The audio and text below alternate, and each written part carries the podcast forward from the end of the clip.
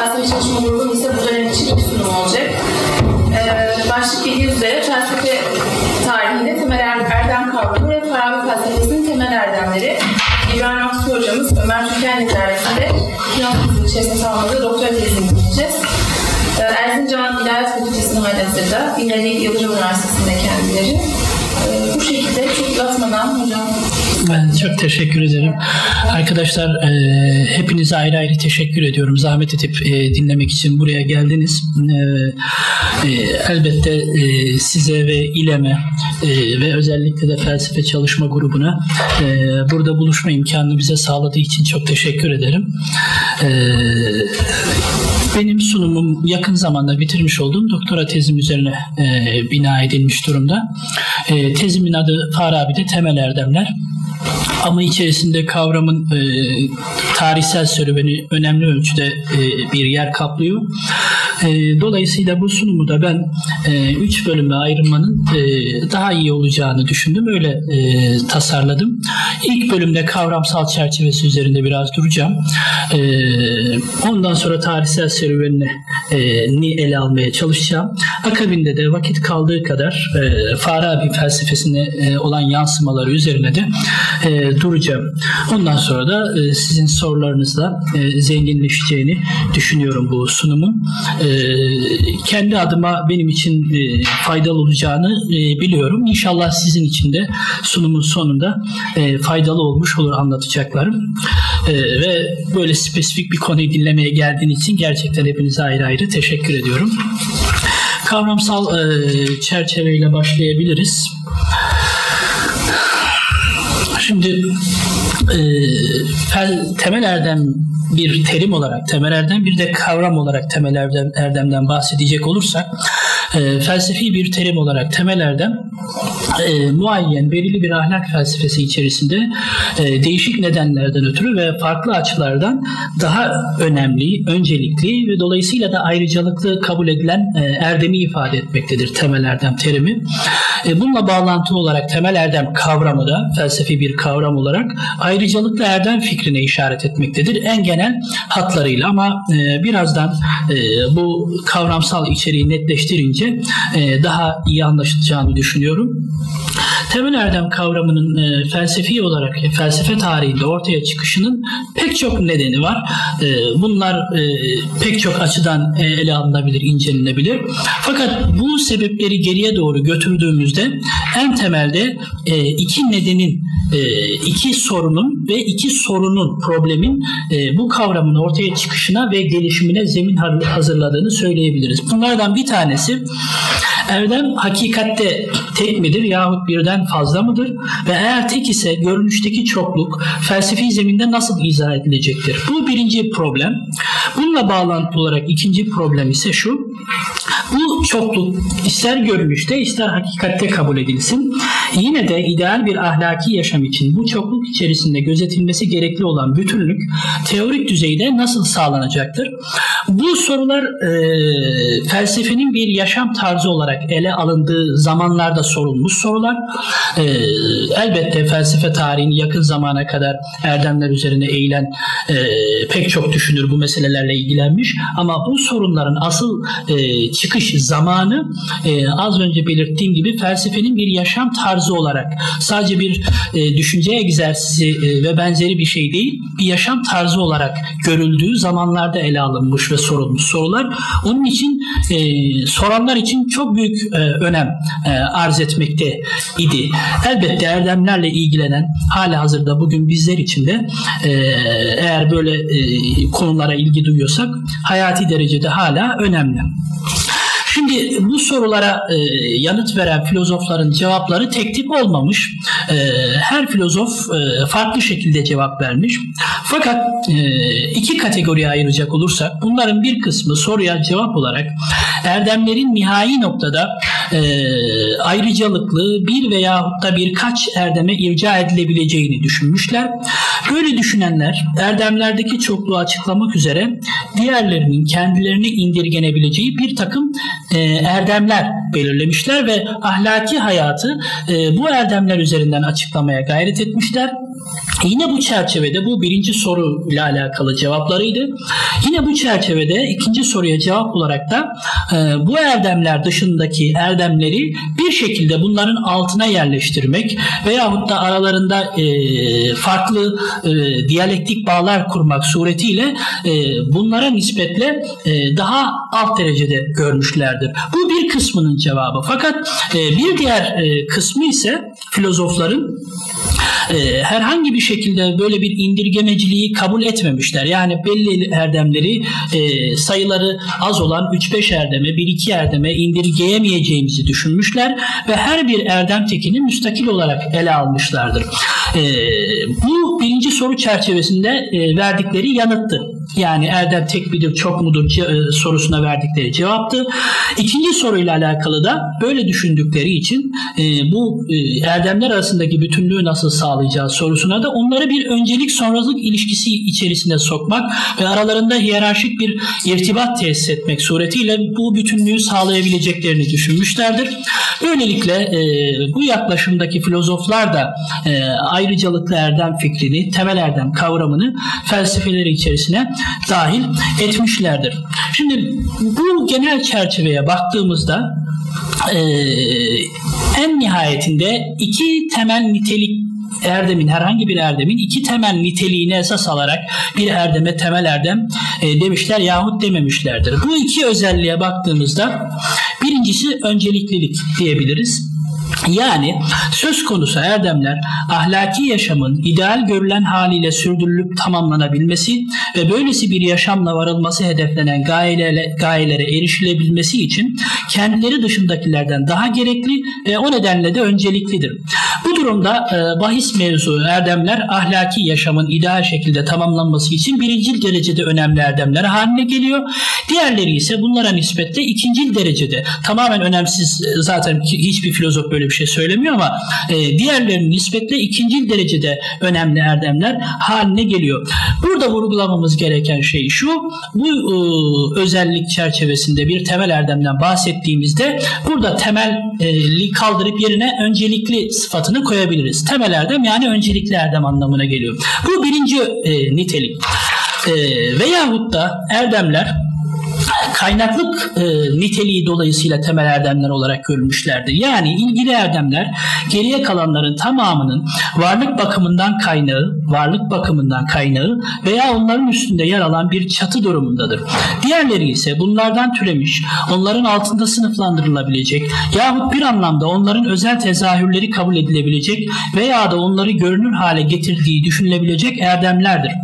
E, bu nitelikteki erdemlerden temel sayılanlar esasında birer tekil erdem değil, e, soyut erdem kategorileri yahut da erdem cinsleridir. E, diğerleri bunların altında e, yer alıyor. Bunlar tekil erdemler olarak görülüyor. E, başka bir ifadeyle alt erdemler olarak görülüyor. Bu bağlamda e, altını çizmemiz gereken şey şu. E, bu çerçevede bir temel erdemden bahsettiğimizde temel sıfatın yerine kaynak sıfatını koyabiliriz. Yani temel erdem bu bağlamda kaynak erdem anlamına geliyor. Bütün bunların somut tezahürlerini birazdan ele alınca e, daha iyi zihinlere yerleşecektir diye düşünüyorum.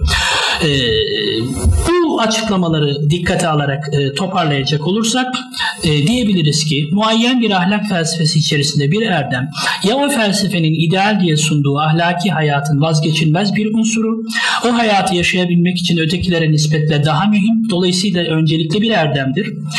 Yani bu nedenle temel erdem sayılmıştır. Ya da başka erdemleri bünyesinde barındıran soyut bir üst çatı, erdemlerin kendisinden doğup geliştiği ve tamamının kendisine indirgenebilmesi mümkün, ahlaki yaşamın tüm yönlerini kuşatabilecek, bizatihi başlı başına yeterli kaynak bir erdem olarak düşünüldüğü için temel erdem olarak görülmüştür diyebiliriz. Bu iki nitelik e, arkadaşlar e, temel erdem kavramından bahsederken hangi filozofun hangi anlamda bir temel erdem fikrine sahip olduğunu netleştirirken de e, aklımızda tutmamız, tutmamız gereken bir e, hususiyet. Ben e, tezde e, bu kavram yani bunun doğurabileceği bir takım kavram kargaşası söz konusu. Yani hangi anlamda temel erdemden bahsediyoruz? Bunu aşmak adına e, önceliklilik niteliği niteliğine haiz erdemlere ben birinci tip temel erdemler diyebileceğimizi düşündüm. E, ikinci özelliği yani kaynaklık niteliğine haiz erdemlere de ikinci tip temel erdemler diyebileceğimizi düşündüm. Bu teklif tabii ki e, bu isimlendirme e, değişiklik arz edebilir. Fakat e, şimdi birazdan geçeceğim tarihsel serüvenden bahsederken bu ikili ayrımı e, hafızamızda bir yerde tutmamız gerekiyor ki e, filozofların e, görüşlerini daha iyi anlayabilelim ve e, bir kavram kargaşası e, oluşmasın. Şimdi bu kavramın ana çerçevesini böyle çizdikten sonra e, devam edebiliriz tarihsel serüvene. Bir yudum çayı alayım.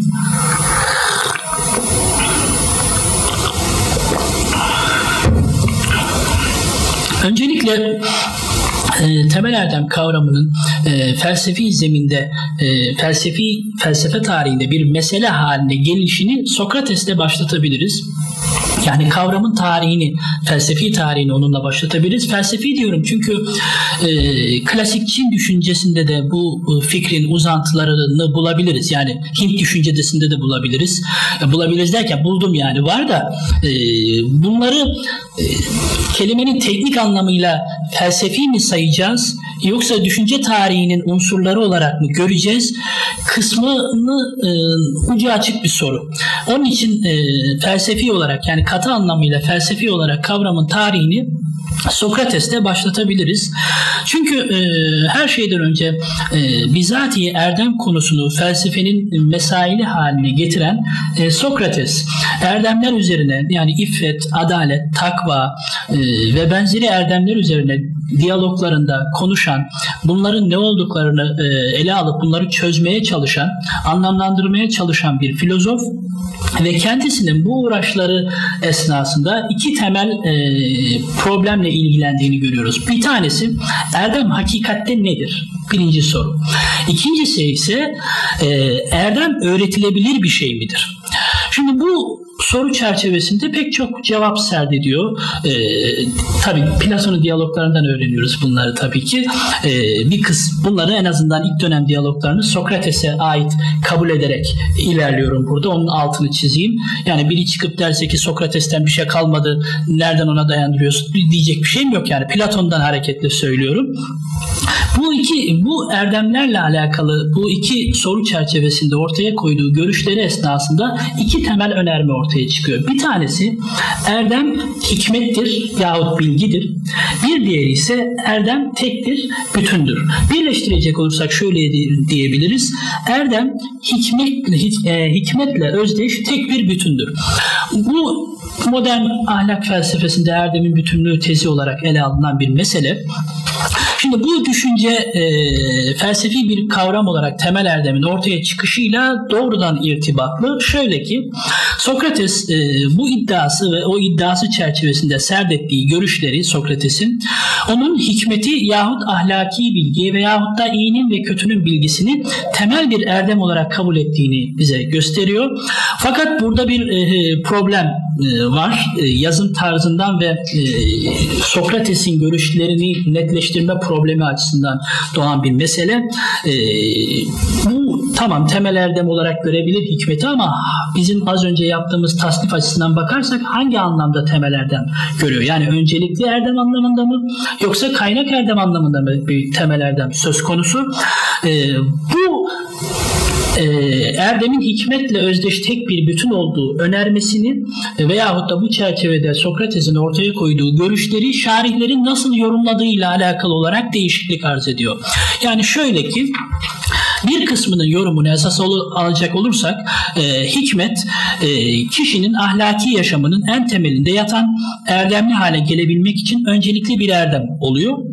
E, bir kısmınınkini e, dikkate alırsak e, diğer tüm tekil erdemlerin kendisine irca edilebileceği nihai erdem halini alıyor. Esasında e, şimdi birazdan size e, göstereceğim hatta şu an geçebilirim. Şu şemaya baktığınız zaman e, en tepede Sokrates duruyor. Temel erdem kavramının tarihsel serüveni iki kola ayrılabilir ve bu iki kola ayrılması da nihayetinde bu hikmet erdemini hangi tip bir temel erdem olarak ele alacağımıza bağlı olarak şekilleniyor. Eğer biz dersek ki bu bir kaynak erdemdir, Platon çizgisini takip edeceğiz. Ha, bu tarafta Platon çizgisini takip edeceğiz. Eğer hayır e, herhangi bir şekilde kaynak bir erdem değil, tekil bir erdemdir dersek Aristoteles ve Aristotelesçi gelenek çizgisini e, takip edeceğiz diyebiliriz. Ama burada e, şunu belirtmem gerekiyor arkadaşlar.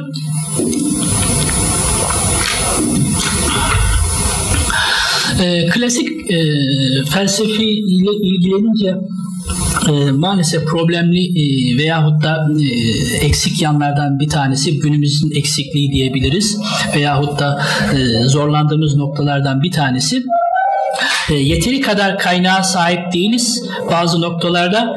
E, bazı noktalarda da birincil kaynaklara sahip değiliz.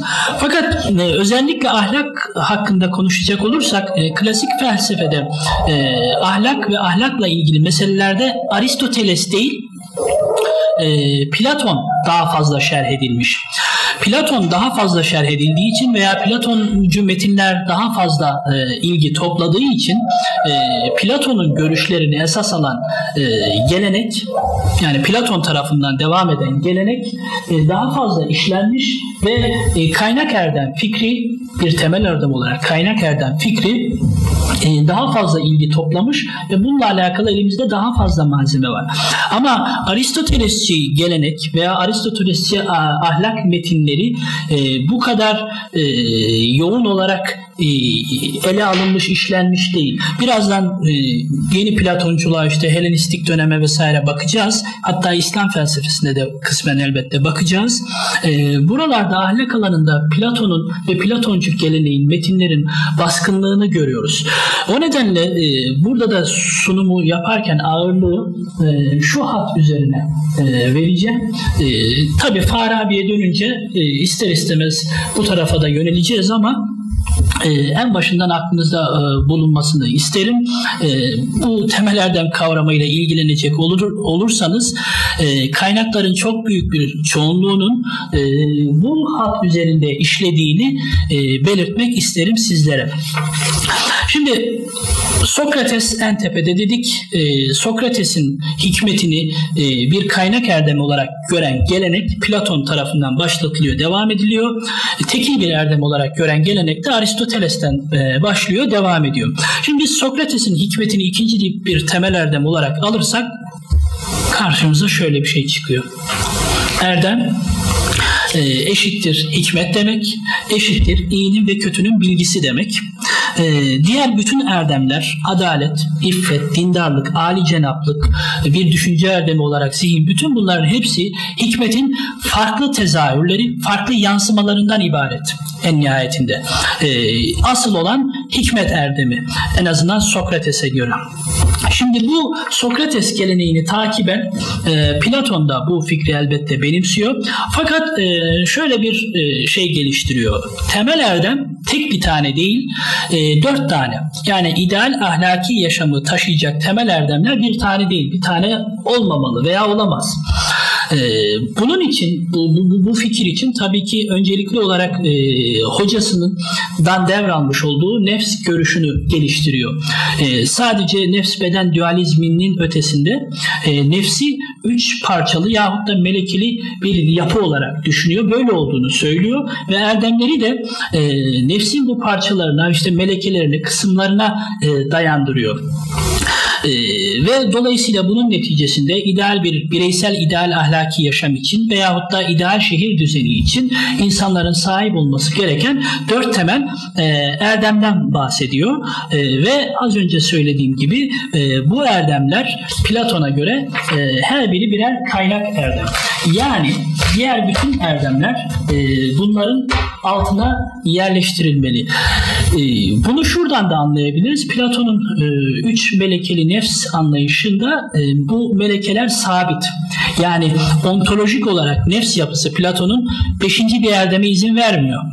Ama biz günlük hayatta başka erdemler de tanıyoruz.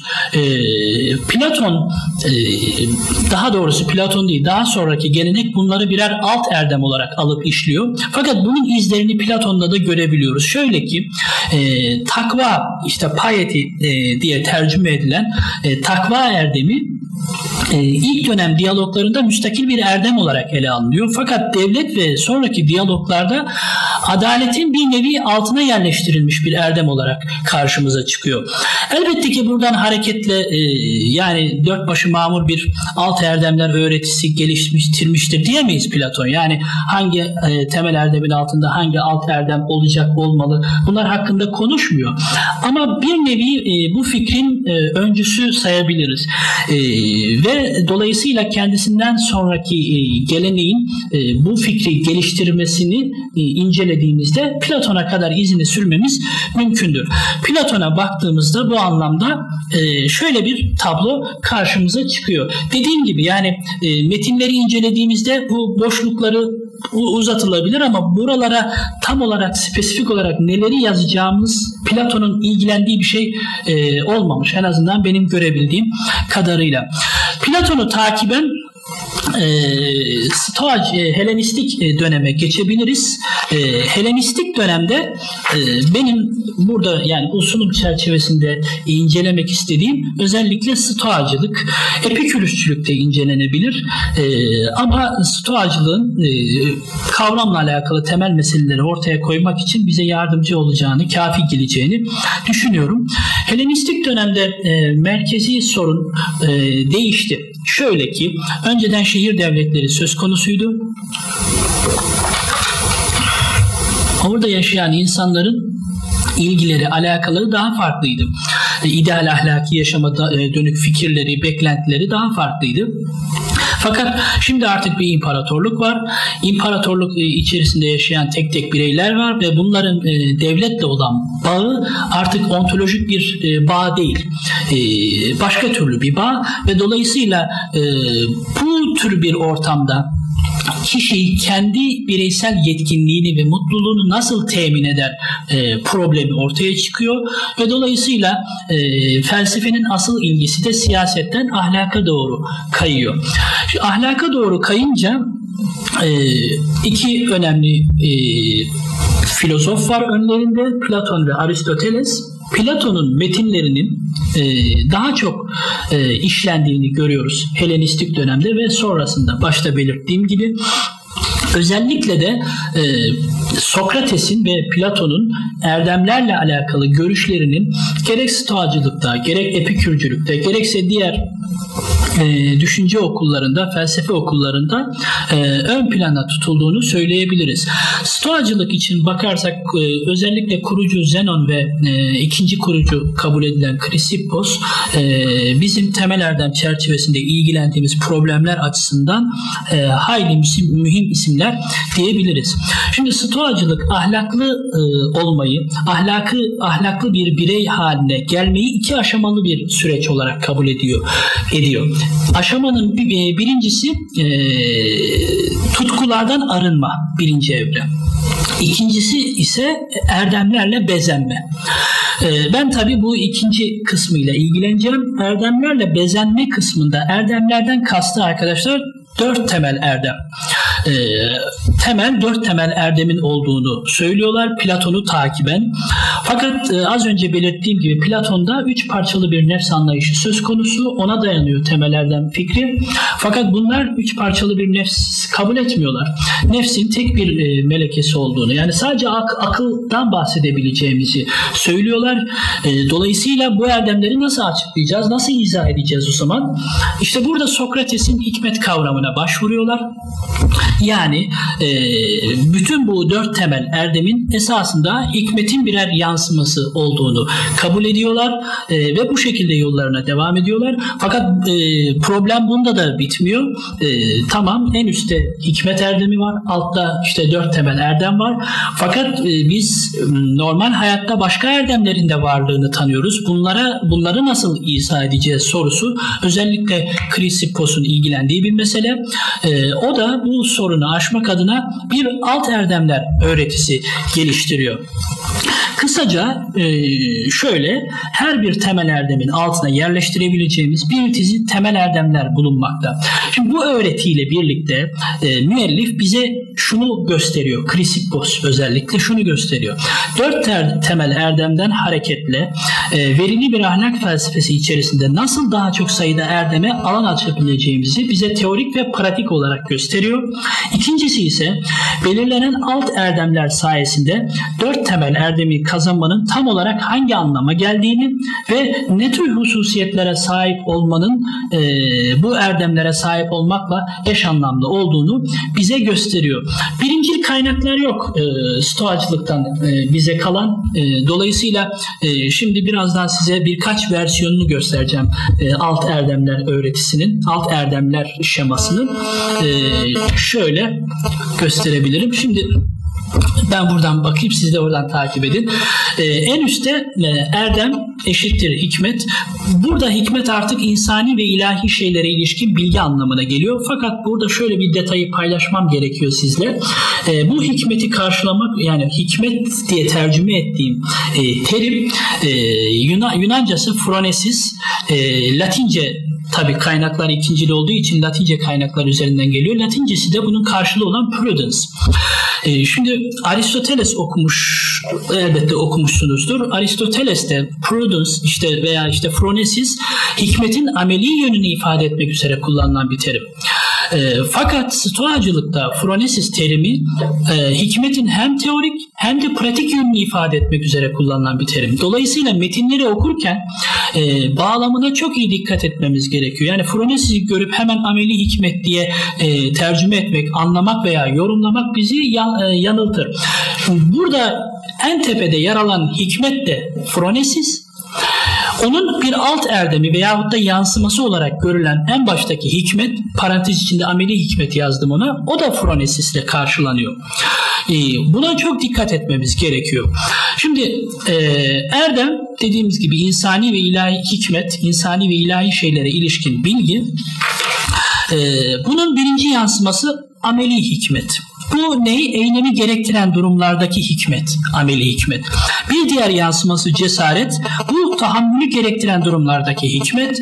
İffet dediğimiz seçimi gerektiren hususlardaki hikmet. Adalette paylaştırmayı gerektiren durumlardaki hikmet anlamına geliyor. Bunların yukarıda birinci versiyon diye belirttim. E, şunun için şu altta görülen alt erdemler farklı kaynaklarda farklı şekillerde karşımıza çıkıyor. Burada e, bu gördüğünüz şekilde bir sonraki versiyonu şekilde arkadaşlar. Bu ikinci versiyonu. Tanımlar aynı fakat alt erdemler değişiyor. E, kaynakların farklılığından ötürü. Çünkü çok uzun bir süre var arada. 5-600 yıl, 100 yıl var. Yani e, Chrysippos'un bunları söylediği veya yazdığıyla bize bunları ulaştıran kaynaklar arasında. Bu ikinci versiyonu Üçüncü versiyonu da en azından benim ulaşabildiğim yani e, şu şekilde karşımıza çıkıyor diyebiliriz. Bu en azından e, stoacılığın bu temel erdemin e, problemleri ve gelişme aşamasıyla alakalı bize e, yeteri kadar bilgi sunduğunu e, tahmin ediyorum. Yani e, dolayısıyla Helenistik dönem için e, bir düşünce okulu, felsefe okulu bize yeter. Şimdi bir sonraki e, adım yeni Platonculuk. Yeni Platonculukla e, artık e, başka bir e, anlayışla, başka bir e, temel erdem yaklaşımıyla karşılaştığımızı söyleyebiliriz. Yeni Platonculuk okuyanlarımız bu Plat, bu okulun özellikle metafizik düşüncesinin önemli yenilikler, yeni açıklamalar, yeni yaklaşımlar barındırdığını hemen görebilir. Özellikle İslam felsefesi okuyanlar zaten bunu kendi metinlerinde de göreceklerdir. E, nereden geldiğini bildiği için e, bir aşinalık da kesbedecektir. Fakat bizim burada vurgulayacağımız husus bu metafizik anlayışlarının e, ahlaka da yansımış olması. Yani erdem anlayışlarını incelerken onların bu e, metafizik anlayışındaki yeniliklerin, e, yeni vurguların, yeni açıklama e, imkanlarının erdemler konusunda da e, taşındığını görüyoruz. Şimdi erdemlerden bahsederken elbette Platoncu geleneği takip ettikleri için dört temel erdemi varsayıyorlar. Bu, bu değişmiyor. Dört temel erdem söz konusu fakat insanın yetkinleşme süreci içerisinde bu dört temel erdem her bir seviyede farklı anlamlara geliyor. Yani insanların yetkinleşme seviyelerinde farklı anlamlara geliyor. Okulun kurucusu Plotinus en temelde iki temel seviye, en, en nihayetinde geriye doğru gittiğimizde iki temel seviye belirliyor. Birincisi medeni erdemler, politik erdemler seviyesi. Diğeri de yüce erdemler seviyesi. Ee, okulun e, tarihsel süreci içerisinde e, özellikle yüce erdemler ve sonrasında baş, e, alt erdemler, alt erdem seviyeleri de ortaya çıkıyor. Şimdi şöyle göstereyim ben size. Şimdi ha, bir geri geleyim de e, şöyle şu açıklamayı yapayım devam edelim. E, gördüğünüz gibi medeni erdemlerde de aynı erdemler söz konusu. Yüce erdemler seviyesinde de aynı erdemler söz konusu. Ama şimdi birazdan göstereceğim şöyle tanımları değişecek. Nasıl? Şöyle Şimdi medeni erdemler seviyesinde hikmetin anlamı nefsin rasyonel kısmının e, erdemini ifade ediyor hikmet. Cesaret nefse ait duygu durumlarının erdemi oluyor. İffet akıl ve arzunun uzlaşısı neticesinde ortaya çıkan bir erdem oluyor. Adalette yönetme, yönetilme hususlarında nefse ait kuvvetlerin kendi işlerini yapması ile ortaya çıkan bir erdem oluyor. Fakat Şimdi yüce erdemlere geldiğimizde bunların da e, alt erdem seviyeleri söz konusu. Şimdi birinci alt erdem seviyesinde tasfiye edici erdemler seviyesinde hikmet artık nefsin bedenden bağımsız hareket etmesi anlamına geliyor. Cesaret nefsin bedenden ayrılmaktan korkmaması anlamına geliyor. İffet nefsin bedenin deneyimlerini paylaşmaması anlamına geliyor. Adalet de nefsin hiçbir şekilde muhalefetle karşılaşmaksızın akıl ve naus tarafından idare idare edilmesi anlamına geliyor. Buradaki akıl ve nous e, metafizik cevherler arkadaşlar. Şimdi bu birinci alt seviyeydi. Yani yüce erdemler geniş bir kategori olarak düşünürsek e, onun birinci alt seviyesi. Bir sonraki seviye yine bu dört erdem ama artık teorik erdemler halini alıyor bunlar. Anlamları değişiyor. Artık hikmet kişinin aklın içeriklerini temaşa etmesi, düşünmesi, tefekkür etmesi anlamına geliyor. Cesaret nefsin duygulardan özgürleşmesi anlamına geliyor. İffet kişinin kendi içine ve aklına yönelmesi anlamına geliyor. Adalet de kişinin kendi payına düşeni yapması anlamına geliyor. Fakat tamamen pür düşünce düzeyinde bu e, bu kendi payına düşeni yapması. Yoksa insani ilişkilerden bahsetmiyor burada yani. Bir sonraki seviye ise paradigmatik yahut numune erdemler seviyesi. Bu seviyede hikmet artık nefsin nousta, metafizik bir cevher olarak nousta bulunanları temaşa etmesi, e, cesaret nefsin duygulanımlardan azadeliği, iffet nefsin nousa doğru deroni yönelişi, adalet de nefsin nousa yönelik aktivitesi anlamına geliyor. Bu e, erdem seviyeleri özellikle Porfiri'den sonra daha da e, detaylandırılıyor ve artırılıyor. Nihai noktada karşımıza da şöyle bir 7 aşamalı seviye çıkıyor arkadaşlar. Ha, bunları teorik erdemler seviyesinde bu. Sadece şey mi gösterdi? Tasfiye edici erdemler seviyesinde bu. Teorik erdemler, paradigmatik erdemler ve nihai noktada bu arkadaşlar. 7 aşamalı bir e, erdem skalası söz konusu. Yani doğal erdemlerden insanın hayvanlarla ortak olan özelliklerinden başlıyor. Ahlaki erdemler, medeni erdemler, tasfiye edici, teorik, paradigmatik ve en altta da teolojik erdemler. Bunlar arkadaşlar e, insanın e, Tanrı'ya yönelmesiyle ve ibadet etmesiyle elde edebileceği erde, e, erdemleri ifade ediyor. Teolojik erdemler. Yeni Platonculukta e, bu şekilde kısaca özetlenebilir. İslam felsefesine geldiğimizde Platoncu geleneğin e, İslam felsefesinde de kuvvetli bir damar olarak en azından erdemler söz konusu olduğunda e, devam ettiğinden bahsedebiliriz. Ben burada özellikle e, Kindi ve Miskevi e, üzerinde duracağım. Ee, çok dallanıp budaklandırmak e, istemediğim için. Şimdi Kindi'ye geldiğimizde arkadaşlar Kindi de malum dört temel e, erdemi tanıyor.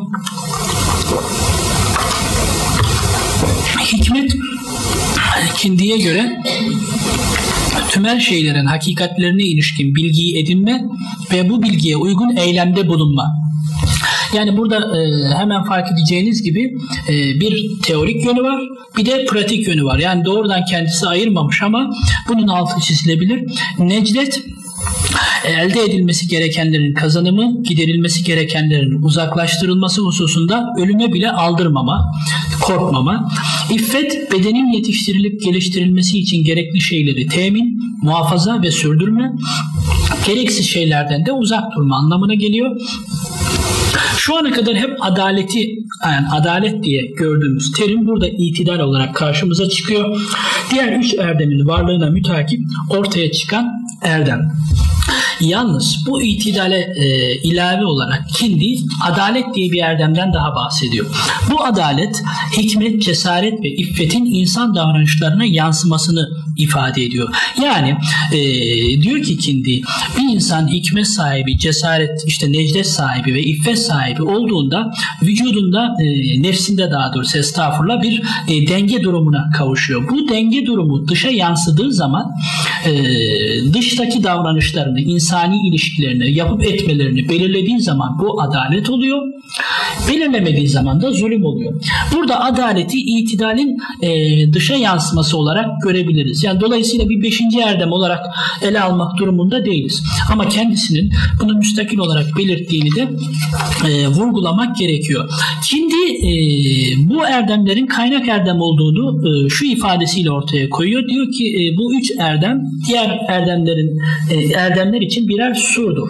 Yani surun lil fazail diyor. Şimdi surun e, kendisi içerisindeki nesnelerin etrafını çevirip e, onları içerisine aldığını biliyoruz. Yani dolayısıyla bu üç erdemin diğerleri için sur olması demek diğerlerin bunun içinde yer alıyor olması anlamına geliyor. O bunların etrafı onların etrafını kuşatması anlamına geliyor. Fakat bu içerme nasıl bir içerme? Bunların karşılıklı ilişkileri nasıl? Bu konuda e, metinsel bir dayanağımız yok. Yani bize gelen metinleri özellikle tanım risalesi üzerinden e, zaten bu şeyleri ortaya koyabiliyoruz. Bu bilgileri e, size sunabiliyoruz. Fakat o metninde e, eksik olduğu anlaşılıyor. E, bu alt erdemlerden bahsedilen yerlerin e, yani en iyi ihtimalle günümüze ulaşmadığını varsayabiliriz. Dolayısıyla spesifik olarak e, temel erdemlerle alt erdemler arasında nasıl e, bir ilişki kuruyor bunun hakkında şu an bir şey maalesef söyleyemiyoruz yani. Fakat e, dediğim gibi e, Kindi'nin e, bu anlayışı da Platoncu geleneğe uygun olarak e, devam ediyor diyebiliriz. E, sunumun bu kısmında yani ikinci e, o gösterdiğim tabloda ikinci e, hatta ele alırken e, inceleyeceğim isimlerin sonuncusu Miskevey. Miskevey'in Tehzibul Ahlak ismini çoğumuz duymuştur tahmin ediyorum. Burada Miskevey Platon tarafından belirlenmiş olan bu dört temel erdemin birer cins e, ecnasül fazail dediği birer cins erdem olduğunu diğerlerinin ise bunların altına yerleştirebilecek e, türler olduğunu söylemektedir ve ona göre e, bir kimse için yaşamında bu dört temel erdemden daha övülesi bir şey daha e, ihtiyaç duyulacak başka bir şey e, söz konusu değildir. Miskevih'in bunu geçtik. Miskevih'in e, şöyle e, metinden hareketle e, ortaya koyabileceğimiz e, temel ve alt erdemler tablosu şu şekilde. Burada cömertliğin de bir nevi alt tezahürlerinin olduğu da dikkat çekmiyor değil. Yani cömertlik bir erdem ama bunun da alt erdeminde birer alt erdemi tabiri caizse söz konusu. Bunları da şimdi metni okuduğunuz zaman ilk başta dört temel erdem bunların alt erdemleri vardır diyor. Ne zaman ki özel olarak cömertliği işleyince orada bir nevi parantez açıp bunları da e, sayıyor. Bunları da cömertliğin e, farklı tezahürleri olarak gördüğünü bize söylemek istiyor. Şimdi e, buraya kadar arkadaşlar Sokrates'ten başlayıp e, devam eden iki damardan birincisini yani Platon ve Platoncu gelenek e, kısmını e, işlemiş olduk. E, fakat şunu belirtmem gerekiyor ki kaynak erdem e, fikri çerçevesinde bu bu e, fikirle ilgilenen düşünürlerin sadece Platoncu dört temel erdemi kaynak erdem olarak gördüğünü söylememek gerekiyor. Bazı düşünürler özellikle modern dönemde ahlak felsefesinin e, bu türlü bir e, estağfurullah erdemlerle alakalı bu türlü bir kavrayışı benimseyen düşünürler e, farklı erdemleri de kaynak erdem olarak görüyor. Mesela sadakati e, bütün erdemlerin sadakate indirgenebileceğini, e, o sadakatin farklı tezahürleri olarak algılanabileceğini söyleyen filozoflar var. Dolayısıyla e, sadece dört temel e, erdem kaynak erdemdir şeklinde bir şeyi zihnimize yerleştirmeyelim. Ee, dediğim gibi buraya kadar tablonun bir kısmı bir, bir sütununu ele aldım fakat ikinci e, kısmı da söz konusu. Bu e, ikinci kısımdakiler herhangi bir şekilde herhangi bir erdemin herhangi bir erdemin kaynağı olduğu fikrini kabul etmiyor. Bizatihi Aristoteles e, açıkça Nikomakos ahlakında da e, söylüyor. Yani Sokrates diyor e, işte e, hikmetin diğer erdemlerin kaynağı olduğunu söylerken hata etmiştir. Fakat e, diğer erdemlerin buna bağlı olduğunu söylerken isabet etmiştir. Fakat bu bağlılık e, herhangi bir şekilde hikmetin bir tekil erdem olmasının ortadan kaldıran bir bağlılık değil. Nasıl bir bağlılık? öncelik sonralık ilişkisi yönünde bir bağlılık. Yani demek istiyor ki Aristoteles hikmet erdemi bireysel ideal e, ahlaki yaşam için, bireysel yetkinlik için diğerlerinden daha öncelikli bir erdemdir ama hiçbir şekilde onların kaynağı falan değildir diyor. E, Aristoteles'in e, bu görüşünü elbette Aristocu gelenekte e, takip ediyordur. E, takip ediyordur dememin nedeni e, şu, e, İslam felsefesi öncesinde e, Aristocu e, metinler üzerine yazılan şerhlerden, özellikle ahlak üzerine yazılan şerhlerden elimizde olan bir tane var. Aspasios'un şerhi. E, bu şerhte e, birinci ve dördüncü kitaplarla e, yedinci ve sekizinci kitapları e, şerh ediyor. Fakat Aristoteles'in hikmetin bir temel erdem olduğu düşüncesini işlediği kitabı Nikomakos Ahlakı'nın 10. kitabı. E, dolayısıyla doğrudan bu, bu, bu kitap üzerine yazılmış bir şerh İslam felsefesi öncesinde e, elimizde değil. E, dolayısıyla çok fazla bir şey söyleyebilecek bir durumda değiliz. Ama Aspasius'un e, insanın e, ide, e, insanın e, tür, e, türsel faaliyetiyle alakalı, insan olmanın e, neyi gerektirdiğiyle alakalı, bir insanın fonksiyonuyla alakalı yaptığı açıklamalar bize hikmeti diğerlerinin e, önüne yerleştirdiğini e, gösteriyor. Daha ayrıcalıklı bir yere koyduğunu gösteriyor. Ama e, az önce de dediğim gibi elimizde çok fazla kaynak yok. E, genel olarak da Aristocu metinler ahlak anlamında İslam felsefesi öncesinde e, çok fazla şerh edilmemiş. Dolayısıyla e, Platoncu gelenekte gördüğümüz gibi bol metinli, bol açıklamalı, işte e, detaylarına inebileceğimiz bir, e, bir açıklama ortaya koyamıyoruz. Detaylı bir e, sunum, e, bir izah geliştiremiyoruz. En azından şimdilik. Yani ileride e, kaynaklar ortaya çıkar. E, o zaman bir şey diyemem. Ama şu an için e, Platoncu bir Platon vari bir tablo ortaya koymamız mümkün değil. Şimdi İslam felsefesine baktığımızda ne? İslam felsefesinde de daha önce belirttiğim gibi Platoncu gelenek e, erdemler anlamında konuşursak Platoncu gelenek baskın. E, Aristoteles'in ahlak anlayışı elbette orta e, orta öğretisi yani erdemlerin iki aşırı uçtun ortası olması fikri bir kabul görmüş. Fakat e, erdem tasnifi, Aristo'nun erdem tasnifi e, çok fazla kabul gördüğünden bahsedemeyiz. E, özellikle ben hani Farabi üzerinde çalıştım elbette ki ilk dönemde e, bir Farabi'de ve de kısmen Amiri'de yani kısmen diyorum onu sonra açabiliriz. Kısmen Amiri'de Aristotelesçi bir e, erdem erdemler tasnifini e, buluyoruz e, ve aynı şekilde e, Farabi'de e, Aristotelesçi bir e, temel erdem anlayışının izine rastlıyoruz. Çünkü Farabi nispeti sahih eserlerinde altını çizeyim bunun nispeti sahih eserlerinde bilebildiğimiz nispeti sahih eserlerinde e, Platoncu üç parçalı nefs anlayışını benimsemiyor. Dolayısıyla ona uygun bir temel erdem şeması da benimsemiyor. Ee, bunun aksine Platon'da gördüğümüz anlamıyla bir birinci tip temel erdem e, fikrini benimsiyor e, Farabi. E, esasında Farabi tezde de e, çalışırken tabii karşılaştığım zorluklardan bir tanesi Farabi metinlerinde doğrudan bu kavramla ilgilenmiyor açıkça. Yani temel erdem nedir, ne değildir, şunlar temel erdemdir, şunlar değildir şeklinde doğrudan kendisinin bir izahı söz konusu değil. Fakat e, inşa etmiş olduğu felsefi sistem, bunun altını çiziyorum, inşa etmiş olduğu felsefi sistem özellikleri itibariyle bize bu felsefi sistemin bir takım erdemleri diğerlerinden ayrıştırdığını, daha öncelikli gördüğünü, gerek e, bireysel ve gerekse siyasal yaşam için daha ayrıcalıklı bir yere yerleştirdiğini bize sistemin kendisi e, söylüyor. Tezde de zaten e, yapmaya çalıştığım en azından son kısmında e, buydu. Yani bu Farabi felsefesinin inşa etmiş olduğu sistem e, bize hangi erdemleri temel erdemler olarak sunuyor.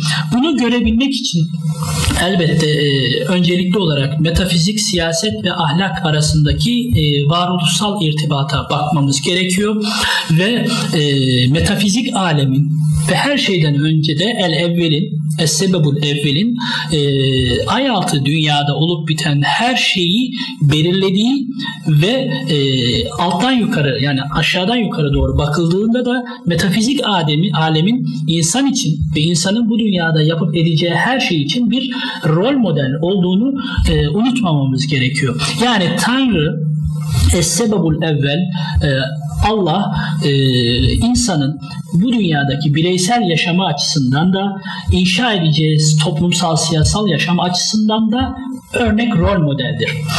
Peki e, kendisinin Tanrı ile alakalı çizmiş olduğu çerçeveye baktığımızda onun Tanrı'nın bizatihi kendisiyle alakalı olarak bir özelliği kendisi dışındakilerle alakalı olarak da iki özelliğini Farabi'nin ön plana çıkardığını görüyoruz.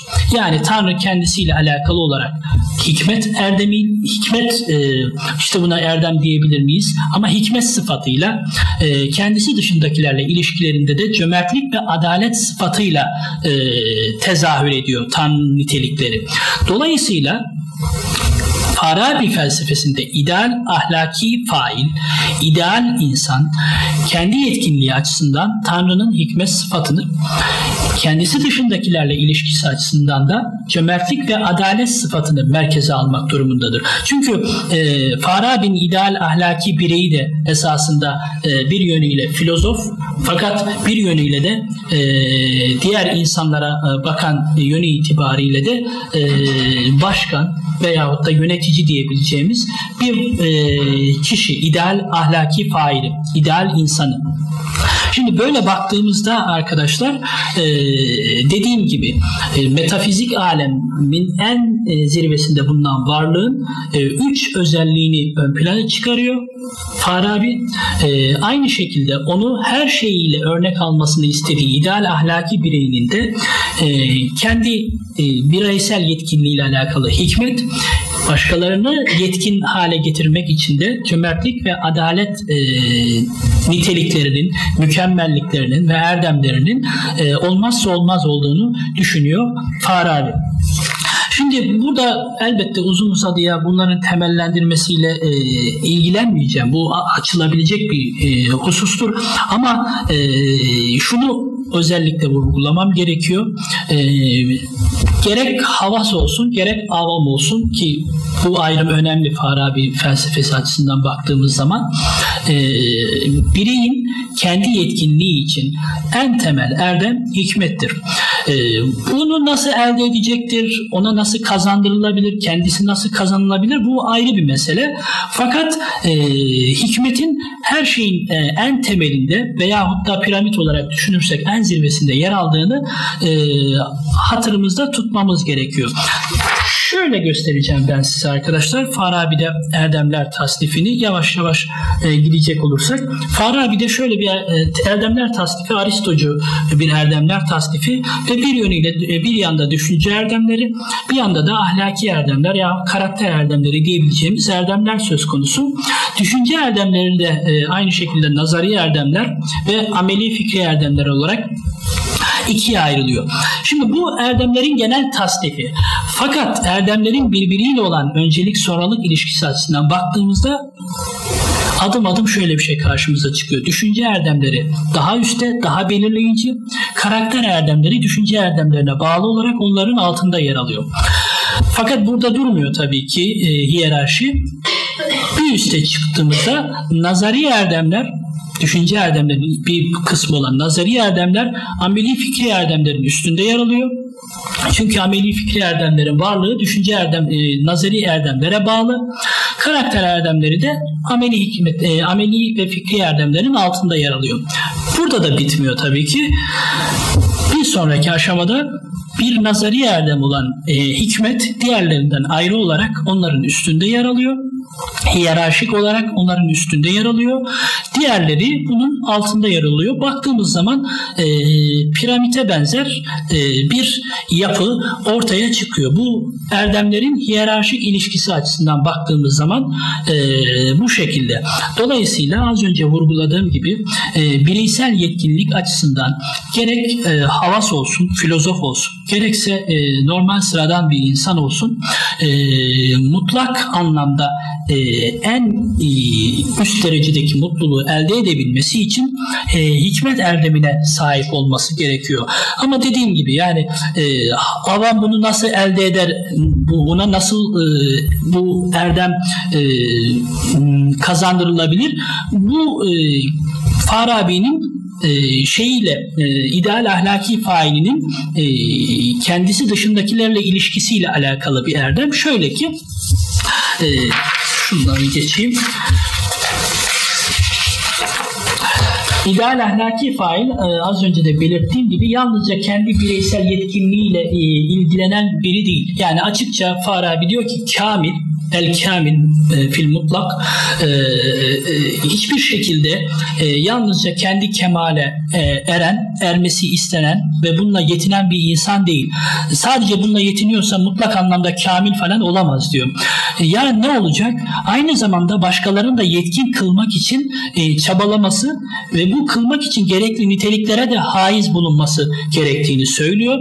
Dolayısıyla ideal insanın e, başkalarını da mutlu kılmaya çalışması gerekiyor ki bu da onun esasında ideal failin yönetici veyahut da başkan veya idareci adına ne diyeceksek e, yönüyle alakalı e, diyebiliriz. Fakat en azından kendi incelemem açısından baktığımızda Farabi'nin bu hikmet sahibi ideal failinin diğer insanları da mutlu kılabilmek için bir cömertlik erdemine, ikincisi de adalet erdemine sahip olması gerektiğinin ısrarla altını çiziyor. Fakat buradaki cömertlik e, ayırt etmek için ay, hiç kimseyi avam havas olarak ayırt etmek sizin herkesi bir şekilde bir şekilde mutluluğa ulaştırması anlamına geliyor. Adalet ise herkese aynı tip mutluluğu e, bahşetmek, kazandırmak için değil, herkese seviyesine göre farklı mutluluklar kazandırabilmesi için çabalaması, buna göre eğitim öğretimi e, dizayn etmesi, sosyal yapıyı dizayn etmesi anlamına geliyor. Fakat e, bunlar hakkında e, sorularınız da olursa detaylandırılabilir. Fakat temel erdem kavramı açısından e, burada özellikle vurgulamamız gereken e, şu arkadaşlar Farabi'nin temel erdemleri dediğim gibi birinci tip temel erdemlerdir. Ne hikmet, ne cömertlik, ne de adalet bu anlamda başka erdemlerin kaynağı falan değildir. Sadece onlardan daha öncelikli erdemlerdir. Yoksa diğer erdemlerin tamamı da Farabi açısından aynı şekilde bireysel ve e, toplumsal yetkinlik açısından e, önemlidir. Hayatiyet arz etmektedir. Şimdi böylesi bir e, temel erdem kavramına sahip ise bizim girişte sormuş olduğumuz sorular açısından bir saniye arkadaşlar sormuş olduğumuz sorular açısından e, Farabi'yi e, nereye yerleştirebiliriz? Yani e, Farabi erdemlerin birliği, çokluğu meselesinde veya erdemler arasında bütünlük e, kurma meselesinde e, nerede durmaktadır diye sorduğumuzda e, birinci tip temel erdem düşüncesini belirli, benimsediğine göre bütün erdemlerin istiklaliyetini tanıdığı anlaşılıyor. Dolayısıyla bir e, ontolojik kaynaklık e, veyahut da bir erdemlerde indirgemecilik Farabi felsefesi için söz konusu değil. Peki bu bütünlüğü nasıl e, tesis ediyor? Az önce bahsettiğim gibi erdemler arasında bir e, hiyerarşik ilişki kurmak, bazıların diğerlerinden daha önemli, öncelikli ve ayrıcalıklı saymak suretiyle erdemler arasında bir bütünlük e, tesis etmeye gayret ediyor diyebiliriz. Böyle baktığımızda peki e, Farabi'yi temel erdem e, kavramı içerisinde nereye yerleştiriyoruz? Şemadan da e, hatırlayacağınız gibi Aristotelesçi gelenek içerisinde yerleştiriyoruz. Yani Farabi, e, Sokrates gibi bütün erdemleri hikmete indirgemiyor. Veyahut da Platon gibi üç parçalı bir nefs anlayışı e, ve bu anlayışla uyumlu dört temel erdem benimsemiyor. Yahut da Stoacılar gibi bir alt erdem öğretisi geliştirmiyor.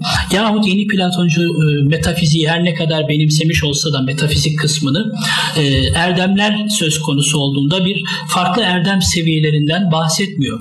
Veya Kindi'de gördüğümüz e, şekilde e, bir e, yine aynı şekilde Platoncu e, gelenekten e, gelenekten beslenen fakat aynı zamanda Aristoteles'in orta öğretisini de benimseyen orada vurgulamayı belki unutmuş olabilirim. Kindi dört temel e, erdemden bahsediyor fakat Aristo'nun orta öğretisini de yani erdemlerin iki e, aşırı uç arasında orta olması meselesini de e, gündeme getiriyor ve e, bu yaklaşımı da benimsiyor. Dolayısıyla burada bir Platon Aristoteles uzlaşısı ortaya koyuyor. Fakat Farabi herhangi bir şekilde böyle bir şey de ortaya koymuyor. O muallimi saniye olarak muallimi evvelin yolundan gidiyor.